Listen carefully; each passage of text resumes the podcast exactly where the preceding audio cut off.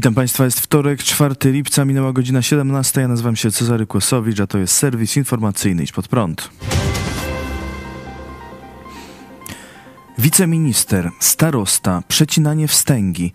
Co to za okazja? Może otwarcie autostrady, mostu, nowego szpitala, a może szkoły? Nie, to otwarcie lodówki. I to nie dla jaj, chociaż jajka zapewne w lodówce się znalazły. Ale impreza była na poważnie i za poważne państwowe pieniądze.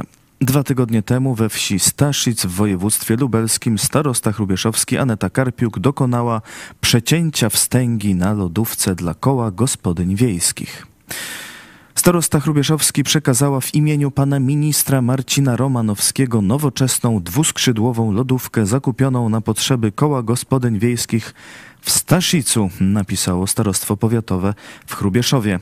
Marcin Romanowski jest podsekretarzem stanu w Ministerstwie Sprawiedliwości.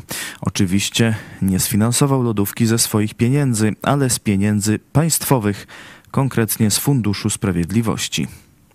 Fundusz Sprawiedliwości powstał, aby wspierać ofiary przestępstw oraz, os oraz osoby zwalniane z zakładów karnych. Jak z tym łączy się lodówka dla gospodyń wiejskich, nie wiadomo. Ale impreza nazywała się Piknik Rodzinny Bezpieczna Rodzina. Wzięli w niej udział dyrektor zakładu karnego w Chrubieszowie i przedstawiciele służb mundurowych, policji i służby więziennej. Najmłodsi mieszkańcy wzięli udział w grach i zabawach animacyjnych, a także mogli skorzystać z możliwości zobaczenia na żywo pracy, jaką na co dzień wykonuje służba więzienna, a starosta w swoim przemówieniu doceniła tę jakże dzisiaj ważną inicjatywę naszego bezpieczeństwa oraz potrzeby reagowania na przemoc w przestrzeni publicznej i jej skutki, tak relacjonowało Starostwo Powiatowe w Chrubieszowie. Cała impreza została sfinansowana właśnie z Funduszu Sprawiedliwości. Ale nie ta jedna. Wiceminister Sprawiedliwości Marcin Warchoł na przykład fotografował się ze sprzętami, które z Funduszu Sprawiedliwości otrzymały koła gospodyń wiejskich w gminie Tuszów Narodowy. Są to ekspresy do kawy, zestaw garnków, naczynia. Jak ustalili dziennikarze Wirtualnej Polski, ponad 1800 kół gospodyń wiejskich zostało laureatami konkursu na wydarzenie zapobiegające przestępczości. Także można się spodziewać kolejnych zestawów garnków czy lodówek przeciwdziałających przestępczości. Jak czytamy w Wirtualnej Polsce, wiejskie organizacje planowały kupić również gofrownice, roboty planetarne, krajalnice, nagrzewnice centralnego ogrzewania czy projektor multimedialny. Wynika to z listy pytań działaczek kół gospodyń wiejskich przesyłanych do Funduszu Sprawiedliwości. Gospodynie upewniały się, co można sfinansować dotacją w konkursie na wydarzenie zapobiegające przestępczości. Fundusz zaś niezmiennie odpowiadał pozytywnie, tłumacząc, że oferent musi wykazać zasadność zakupu sprzętu sprzętu w kontekście organizowanego wydarzenia. Piszą, tak pisze Wirtualna Polska. Konkurs Ministerstwa Sprawiedliwości obejmuje organizację wydarzeń w zakresie przeciwdziałania przyczynom przestępczości. Dofinansowanie może sięgać 5 tysięcy złotych. Spotkania mają dotyczyć przeciwdziałania zjawiskom przemocy domowej, przestępstw na szkodę małoletnich, cyberprzestępczości, oszustw i lichwy oraz promowania bezpieczeństwa w ruchu drogowym.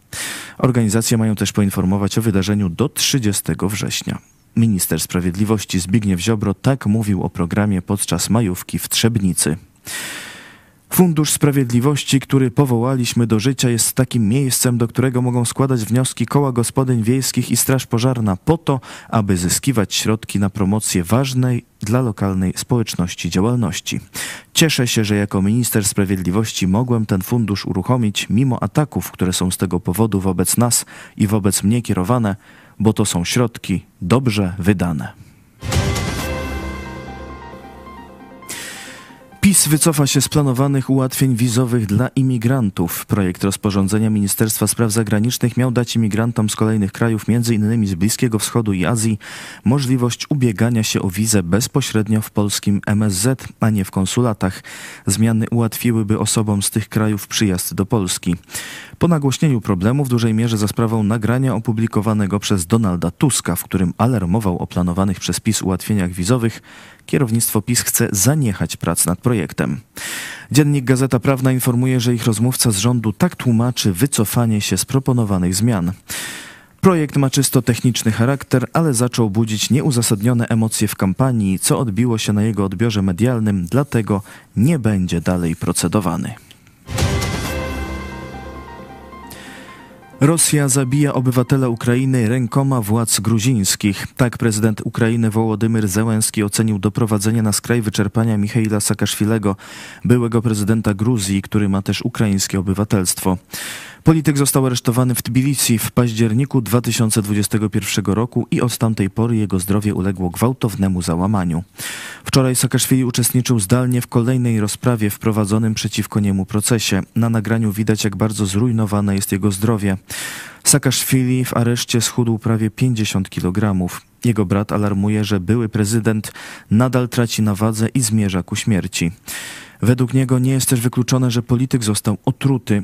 W związku z kolejnym nagraniem pokazującym bardzo ciężki stan Saakaszwilego, prezydent Załęski nakazał wezwanie przez ukraińskie MSZ ambasadora Gruzji w Kijowie. Poleciłem Ministerstwu Spraw Zagranicznych wezwać gruzińskiego ambasadora w Ukrainie, wyrazić nasz zdecydowany sprzeciw i poprosić go o opuszczenie Ukrainy w ciągu 48 godzin w celu przeprowadzenia konsultacji ze swoją stolicą. Po raz kolejny apeluje do gruzińskich władz, aby przekazały Ukrainie obywatela Michała Saakaszwilego w celu zapewnienia mu niezbędnego leczenia i opieki. Wzywam też naszych partnerów, aby zajęli się tą sytuacją, nie ignorowali jej i uratowali tego człowieka. Żaden rząd w Europie nie ma prawa do przeprowadzania egzekucji na ludziach. Życie jest podstawową europejską wartością, apelował prezydent Załęski.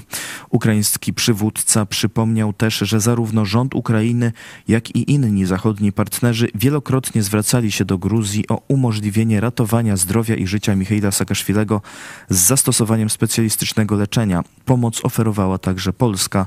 Sam Saakaszwili podczas wczorajszego przesłuchania upominał władze. Powinniście przeprosić za to, że doprowadziliście mnie do takiego stanu, przeprosić deputowanych do Parlamentu Europejskiego, moją rodzinę, mnie, Ukrainę i wszystkich Gruzinów. Michał Saakaszwili od jesieni 2021 roku odbywa karę więzienia, na którą został skazany pod zarzutem nadużycia władzy. On i jego zwolennicy przekonują, że jest to sprawa motywowana politycznie. Według ukraińskiego generała kierownictwo rosyjskiej FSB rozmawia z CIA o zmianie władzy na Kremlu.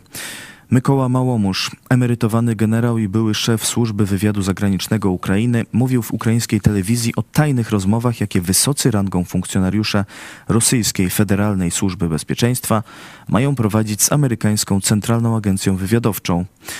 Nawet na początku wojny wielu znanych rosyjskich polityków i generałów FSB sprzeciwiało się inwazji na Ukrainę. Wówczas nie można było jednak ujawniać tych nastrojów, ponieważ Władimir Putin zarządzał swoimi współpracownikami twardą ręką i mógł ich odsunąć. Nikt nie chciał zatem ryzykować. Teraz jednak Putin osłabł, sytuacja uległa zmianie i pojawiły się sprzyjające okoliczności do prowadzenia przez FSB rozmów z CIA na temat zmiany reżimu w Moskwie. Rosyjscy generałowie w pewien sposób pomogą Zachodowi w tworzeniu nowego reżimu w Rosji, bardziej demokratycznego, który zakończy wojnę i przyjmie porozumienie pokojowe, a nawet zagwarantuje perspektywę wyborów. Jednocześnie nowe władze zapewnią stabilność i najważniejszą rzecz kontrolę nad arsenałem nuklearnym, o co Zachód bardzo się obawia, mówił generał. Według generała Małomurza kierownictwo FSB chce uniknąć odpowiedzialności za działania władz na Kremlu. Ukraiński wojskowy spodziewa się, że Rosja albo się rozpadnie, albo wprowadzi nowy rodzaj władzy, którą tworzyć będą wojskowi, politycy i biznesmeni. To wszystko w dzisiejszym serwisie. Dziękuję Państwu za uwagę. Kolejny serwis jutro o 17, a dziś w telewizji Idź Pod Prąd o godzinie 18 live z prawnikiem o wyroku na pastora Kojeckiego. Zapraszam, do zobaczenia.